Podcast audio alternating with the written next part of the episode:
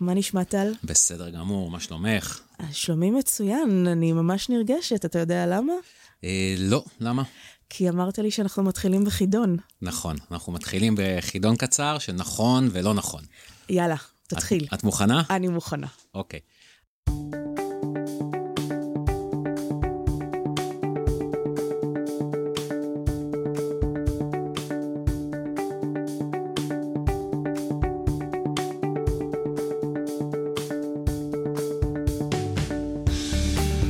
מיטיבי קשב, פודקאסט הראיונות של מכון אבשלום. אני מיכל לברטובסקי, והפעם איתנו דוקטור טל סיינס, דוקטור לגנטיקה מולקולרית ומדעי החיים, שותף מייסד בחברה דיאנטיקס לפיתוח טכנולוגיה לאחסון ואבטחת מידע גנטי. דוקטור טל סיינס ידבר איתנו על גנטיקה של המאה ה-21.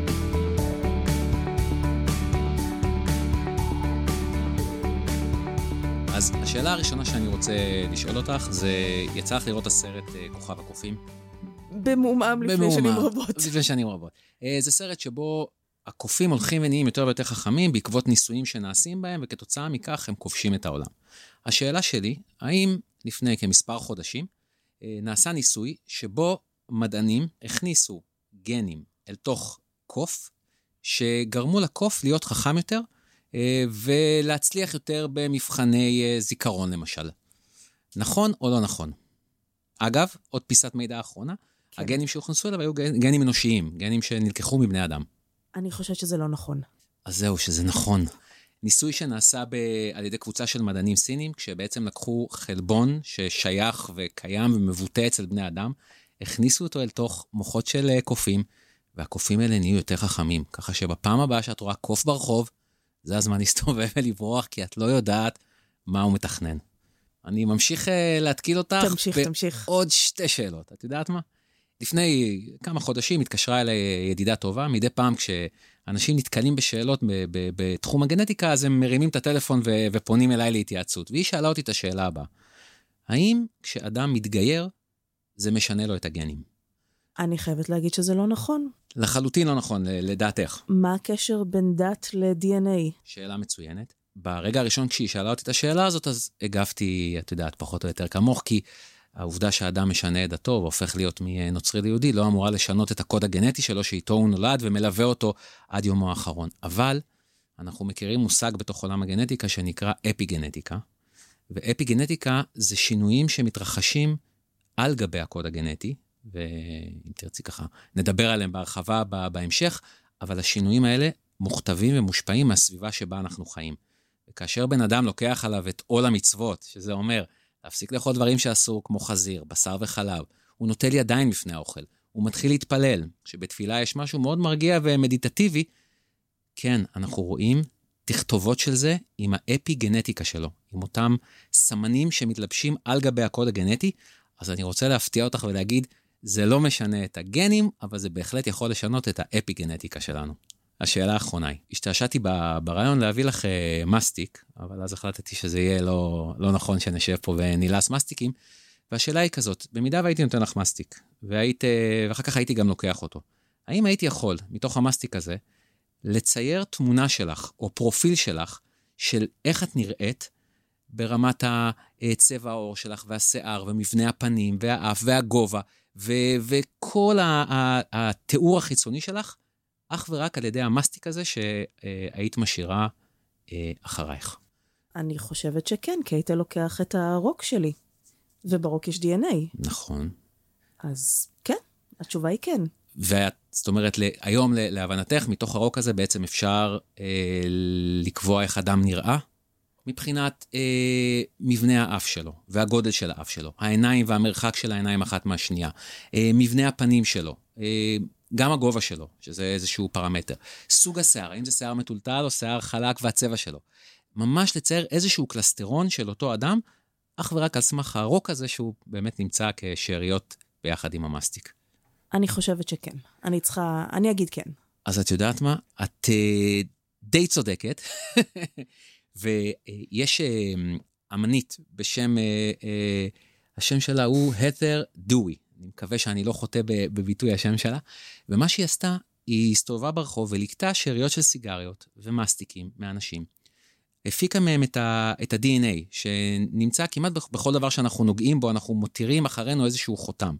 אז אם זה על ידי הידיים, אנחנו משאירים תאי עור שנושרים מאיתנו, ואם זה אה, משהו שנמצא בחלל הפה, אז תאים שנמצאים בתוך הפה שלנו. ומתוך התאים האלה ניתן להפיק DNA, וזה מה שהיא עשתה. והיא הכניסה את זה לתוך מערכת אה, אלגוריתמית שיודעת לנתח את ה-DNA הזה ולהסיק מתוכו מסקנות על האדם שלעס את המסטיק או עישן את הסיגריה, וממש לצייר קלסטרון, לא מדויק אחד לאחד, אבל מתחיל להידמות ולהתקרב לאיך שנראה אותו האדם. וזה הייתה, היה מין מיצג אומנותי גנטי שמראה לאן העולם הזה הולך, ושואל גם שאלות לגבי הפרטיות שלנו. אז בוא באמת תיקח אותי אל תוך עולם הגנטיקה, אבל אני רוצה את עולם הגנטיקה של המאה ה-21. לא מה שלמדנו ב- ב- בתיכון בביולוגיה, אלא מה, השימושים, לאן הגענו בעזרת הטכנולוגיה, בעזמה, בעזרת ה- המוח הקולקטיבי שה- שהאינטרנט מאפשר לנו. לאן פרצנו את הדרך? אז את יודעת, אני, אני מלווה את עולם הגנטיקה כבר uh, באמת המון שנים, ו, ובשנת uh, 2000 אני ישבתי כולי נרעש כי uh, ביל קלינטון הגיע ו, ויצא באיזושהי הכרזה בבית הלבן, שהייתה הכרזה מדעית, שזה אירוע מאוד מרגש אם נשיא ארה"ב מגיע ומכריז על משהו שהוא מדעי ולא על איזושהי מלחמה שהולכת להתרחש. ומה שהוא הכריז עליו היה שהאנושות מחזיקה ביד את הדראפט הראשון, את הטיוטה הראשונה של הגנום האנושי. והתהליך הזה הוא תהליך שלקח עשר שנים, אגב, לקח עוד שלוש שנים נוספות עד שבאמת קיבלנו את התמונה המלאה של אותו קוד אנושי, והוא עלה שלושה מיליארד דולר. בעצם היה לנו ביד את הבסיס למהי האנושות, לפחות ברמה הגנטית שלה. את, את אותו רצף של אותיות שהוא מונה שלוש כפול עשר בתשיעית אותיות, אפשר להכפיל את זה פעמיים, כי אנחנו מקבלים חצי מהאבא וחצי מהאימא, שמתארים את, את uh, מי שאנחנו. ו... כמו שאמרתי, זה עלה שלושה מיליארד דולר. היום אנחנו עושים את אותו תהליך בשעות בודדות, וזה עולה לנו בין 400 ל-1,000 דולר, כאשר מספר חברות כבר ציינו לעצמם איזשהו יעד של 99 דולר. ומבחינתי, הדבר הזה הוא, הוא פריצה של גבולות. הוא פריצה של גבולות כי זה אומר שבפעם הבאה שתזמין אותי לפה, ואני מקווה שתזמיני אותי שוב, אנחנו נשב שנינו ויהיה לנו את הקוד הגנטי שלנו, האישי שלנו, בנייד שלנו, זמין למגוון של שימושים. וההתחלה הזאת של המהפכה הגנטית שהכריז עליה אה, ביל קלינטון, מבחינתי היום מתחילה להתממש, ו- ו- וזה דבר מופלא. אתה יכול לתת לי באיזה משפט אחד או שניים, מהי המהפכה הגנטית? אני מבינה שאתה אמרת שעכשיו ניתן למפות את, הגן... את הגנום האנושי ביתר קלות וביתר יעילות כלכלית, אבל מהי המהפכה הגנטית? מה זה אומר? עכשיו שאני ואתה יושבים עם האייפון שלנו, סליחה, סליחה, לאנדרואיד, אה, ומסתכלים על הקוד הגנטי שלנו, דבר איתי, מה, מה אפשר לעשות עם זה? אני חושב שהמקום שבעיניי הגנטיקה היא אולי החשובה ביותר, זה הנושא של רפואה, אוקיי? אנחנו uh, חיים בעולם שהוא עולם של רפואה טיפולית. אדם מגיע, הוא סובל מאיזושהי מחלה, מאבחנים מה המחלה הזאת ו- ומטפלים בה. הגנטיקה פותחת איזשהו צוהר אל עולם שהוא הרפואה המניעתית, ה-preventive medicine. זאת אומרת שאם אני מחזיק ביד שלי את הקוד הגנטי שלך, והקוד הזה קיים הרי בעצם מהרגע הקסום הזה שבו הזרע פוגש את הביצית והמידע הגנטי מה, מהאם ומהאב מתערבב, והוא ילווה אותך הלאה עד סוף חייך כמעט ועד שתעזבי את העולם, ויש כאלה שטוענים שגם הלאה, אה, בעולמות המיסטיים. אה, אבל מאותה שנייה שקורה החיבור הזה, אני יכול לנתח את הקוד הגנטי, והיום אני כבר אומר שזה גם לא עולה הרבה, ולדעת בסבירות לא רעה מאיזה מחלות את עלולה לסבול. והדבר הזה מאפשר להקדים את, ה, את התרופה למכה הזאת, ולהתחיל ולראות האם למשל יש סיכון שיהיה לך אה, סכרת, וניתן להתאים תזונה שתדחה את הסכרת ואולי אפילו תגרום לה לא להופיע אה, בכלל. אה, אנחנו נוכל לטפל במחלות שהן מחלות נפש, ומחלות שהן מחלות קוגניטיביות, ומחלות שהן מחלות מטבוליות, וכל זה על ידי אבחון מוקדם שלהם ומתן טיפול מניעתי. אתה מדבר איתי על טיפול מניעתי שהוא טיפול חיצוני. אל תאכלי שוקולד, אל תאכלי קמח, אל תאכלי סוכר, וכל מיני דברים כאלה מגיל הינקות. אבל האם אתה יכול לקחת את הגנים של התינוק הבא שאתה פוגש ברחוב, לאבחן אותם, לראות שיש לו סיכוי לסכרת, לסרטן, לאלצהיימר, ולתקן אותו מבפנוכו? וואו, איזו שאלה יפה. ואם את מרשה לי, אנחנו עושים עוד נכון או לא נכון אחרון, והנכון או לא נכון הזה אומר, לא רק שאפשר, זה כבר נעשה. נכון או לא נכון? או... לא נכון. לא נכון, אז זהו, שזה נכון. Uh, לפני חצי שנה בערך, uh, מדען סיני הודיע, קבל עם וכנס שהוא היה בו, שהוא שחרר אל העולם זוג תאומות בשם נאנה ו- ולולו, כשהתאומות האלה עברו טיפול גנטי. הם היו אה, תוצאה של הפריית מבחנה, ולכן היה ניתן לטפל בהם עוד טרם ההכנסה שלהם אל תוך הבטן של האם, והם עברו שינוי של הקוד הגנטי, שינוי שנועד לתת להם, אה, הייתה כוונה טובה, לפחות על פי המשורר או המדען במקרה הזה, הוא טען שהוא רוצה להקנות להם עמידות ל-HIV, לאיידס, מכיוון שהאב היה הנשא של המחלה. והוא ממש שכתב להם את הקוד הגנטי, והייתה, אה, אה, הם הוכנסו בחזרה, העובר הוכנס אל, אל תוך האם, ובאמת יצאו אל העולם זוג תאומות שהקוד הגנטי שלהם שוכתב ביד אדם. אז זה כבר קורה, זה כנראה ילך ויקרה יותר אחרי שיוסדרו כמה בעיות סביב הנושא הזה. ואגב, השמועות טוענות שהמדען הזה כרגע יושב בכלא. מה המרחק מזה להשבחת הגזע? תראי, זו שאלה טובה, וזו גם שאלה שתופסת, אני חושב, אותנו ספציפית, כישראלים וכיהודים, בבטן הרכה שלנו. כי אנחנו יודעים מה יכול לקרות כשגנטיקה תופסת כיוון לא טוב, נכון? והרבה פעמים אני עושה עם אנשים ככה אתגר אה, אה, אינטלקטואלי, ואני אומר להם, אתם זוג צעיר שמגיע ליועץ גנטי, והוא שואל אתכם, אה, אתם לקראת הפריה, ויש אה, ארבעה עוברים לפניכם שהם פוטנציאל טוב להפריה הזאת, ומתוכם לשלושה ראינו שיש סיכון גנטי לסרטן, ואחד שהוא כנראה יהיה בריא. איזה מהעוברים היית לוקחת? את הבריא, את נכון? הבריא. זה קל. ואז אני אומר, אוקיי, ויש, אנחנו יודעים היום שיש גנים שאחראים על uh, כמות השיער שיהיה לגבר על הראש שלו כשהוא יגיע ל... יחצה ככה את גיל 30 ו-40. ומכיוון שאנחנו יודעים מה הגנים האלה, אנחנו יכולים להגיד שיש לנו ביד עובר אחד שיהיה עם שיער שופע, ועוד שלושה עוברים קרחים לגמרי. מה היית uh, בוחרת את במקרה הזה? אני משערת ששיער שופע. שיער שופע. ואז אותו אה, יועץ גנטי שמנהל את הדיון אה, עם, עם, עם, עם, עם זוג ההורים אומר, אוקיי, ויש לי פה שלושה עוברים שהם, התינוקות שייוולדו יהיו עם עיניים חומות, ואחד מהם שיהיה עם עיניים כחולות. וזה, אני מקווה, עונה לך על, על מה... אנחנו היום כבר נמצאים באיזשהו תהליך של מעין סלקציה גנטית. 4% אה, מהתינוקות שנולדים בארץ הם תוצאה של הפרעות מבחנה. הם עברו איזושהי סלקציה כי אנחנו מסננים ומנטרים החוצה מחלות גנטיות קשות, אבל ככל שהידע שלנו בגנטיקה הולך וגדל ומגיע אל מחוזות אקזוטיים יותר, יתחילו לצוץ השאלות האלה, שכמו שאמרתי, תופסות אותנו בבטן הרכה של עד כמה אנחנו נסנן על סמך מידע גנטי. נקודה נוספת שבה אה, אני רואה את הגנטיקה כמשהו אה, מרגש ומבטיח, זה הנושא של הרפואה שמותאמת אישית. ה-personalized medicine, זה ככה מילה, זה זוג מילים אה, מאוד רציני, אבל הוא בעצם אומר שאנחנו אנשים שונים.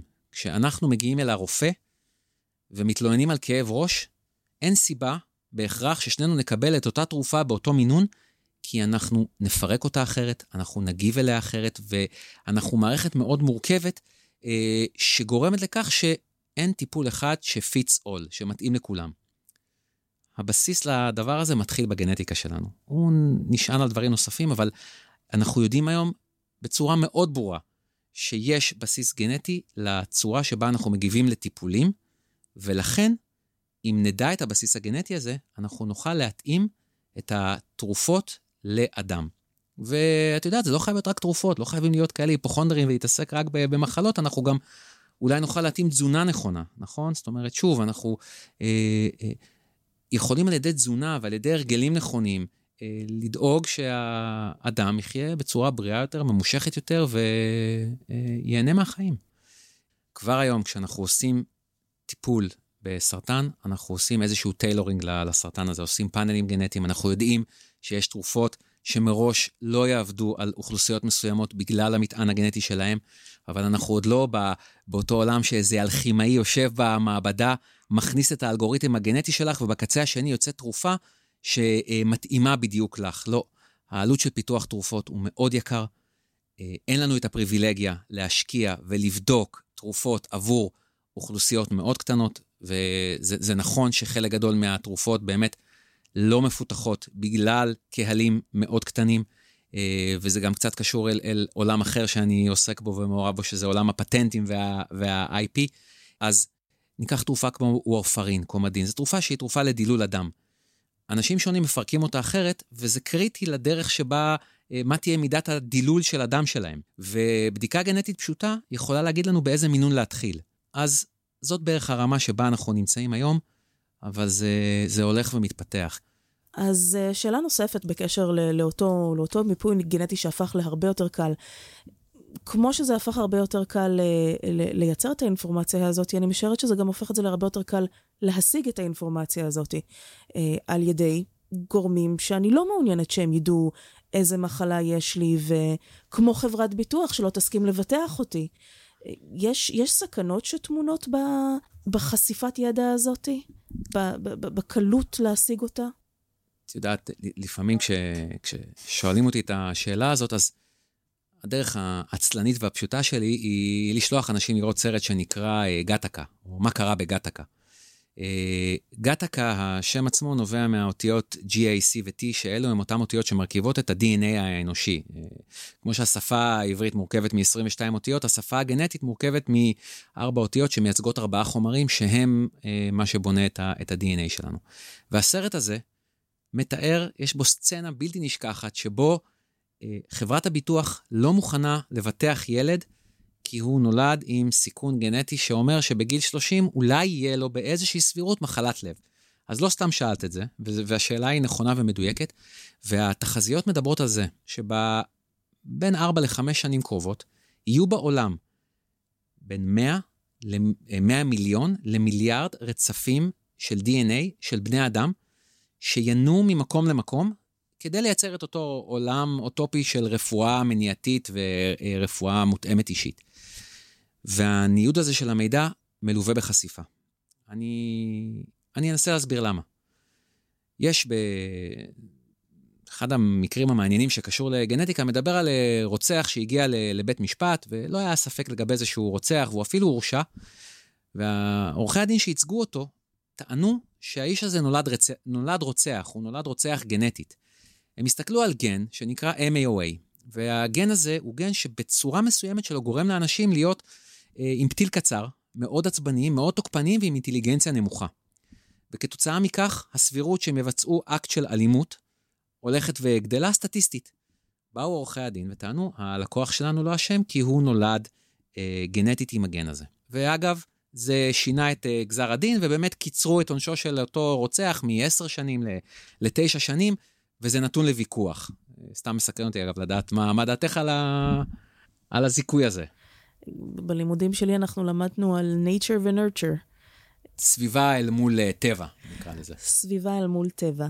ובסופו של דבר אנחנו לא חיות. אנחנו יכולים להיוולד עם הגנטיקה שתיקח אותנו לכיוון מסוים, אבל אנחנו צריכים לעשות את ההחלטה להגיע לשם בעצמנו. אז אני לא מסכימה עם הפסק דין הזה, אבל מה שאני כן, אפשר לחזור למה שאתה אמרת, של השפעת הסביבה על הגנים, עם אותו מתגייר. נכון, זה יפה, סגירת מעגל יפה, ואני תכף חוזר אל, אל, אל אותו מתגייר, אבל אני רוצה רגע לחזור אל, אל, אל אותה חשיפה שתיארתי. את יודעת, ה-MAOA הזה, יש לו שם נורא אקזוטי, קוראים לו The Warrior Gene. כי זה גן של לוחמים, כנראה יש את הצורה היותר אגרסיבית שלו. אפשר לקרוא לו גם אות קין, את יודעת, כי אם אדם נולד עם הגן הזה ומאובחן בגיל מאוד צעיר שיש לו את, ה, את הגן האלים יותר, ה-warrior side שלו, האם זה בהכרח אומר שאותו בן אדם יהיה רוצח? האם עכשיו כשהוא ילך ברחוב תהיה עליו איזושהי הצבעה כשהמידע הזה הוא מידע שמסתובב חופשי? וזה לא עוצר רק שם. אנחנו יודעים היום על גנים למשל שיכולים לתת אינדיקציה להפרעות קשב וריכוז, לדיכאון, לנטייה מינית. נעשה מחקר מאוד גדול. אחרי ששנים נמנעו מלעשות מחקרים כאלה, אז הלכו ועשו את המחקר הזה, שבודק האם יש איזשהו בסיס גנטי אה, אצל אנשים שבוחרים בן זוג מאותו המין, מאותו המין שלהם. וכן, מסתבר שכן, שיש איזשהו אה, אה, בסיס גנטי. וזה אה, שאלות שאנחנו הולכים ומתמודדים איתן יותר ויותר, במיוחד כשהמידע הזה יתחיל להתנייד בצורה דיגיטלית, והוא יהיה פרוץ להתקפות. כי ברגע שנוצר מידע, והוא מידע חשוב, הוא פרוץ להתקפות. והמידע הגנטי, לא רק שהוא פרוץ להתקפות, ברגע שהוא יוצא החוצה אל העולם, קשה מאוד להחזיר אותו בחזרה. אי אפשר להפוך את, ה, את הפריצה הזאת, זה לא כרטיס אשראי שאתה יכול לגזור, זה מידע שאם הוא בחוץ שם, מישהו כבר יגיע ויעשה בו את, ה, את השימוש, ולא תמיד זה יהיה אה, לטובתך.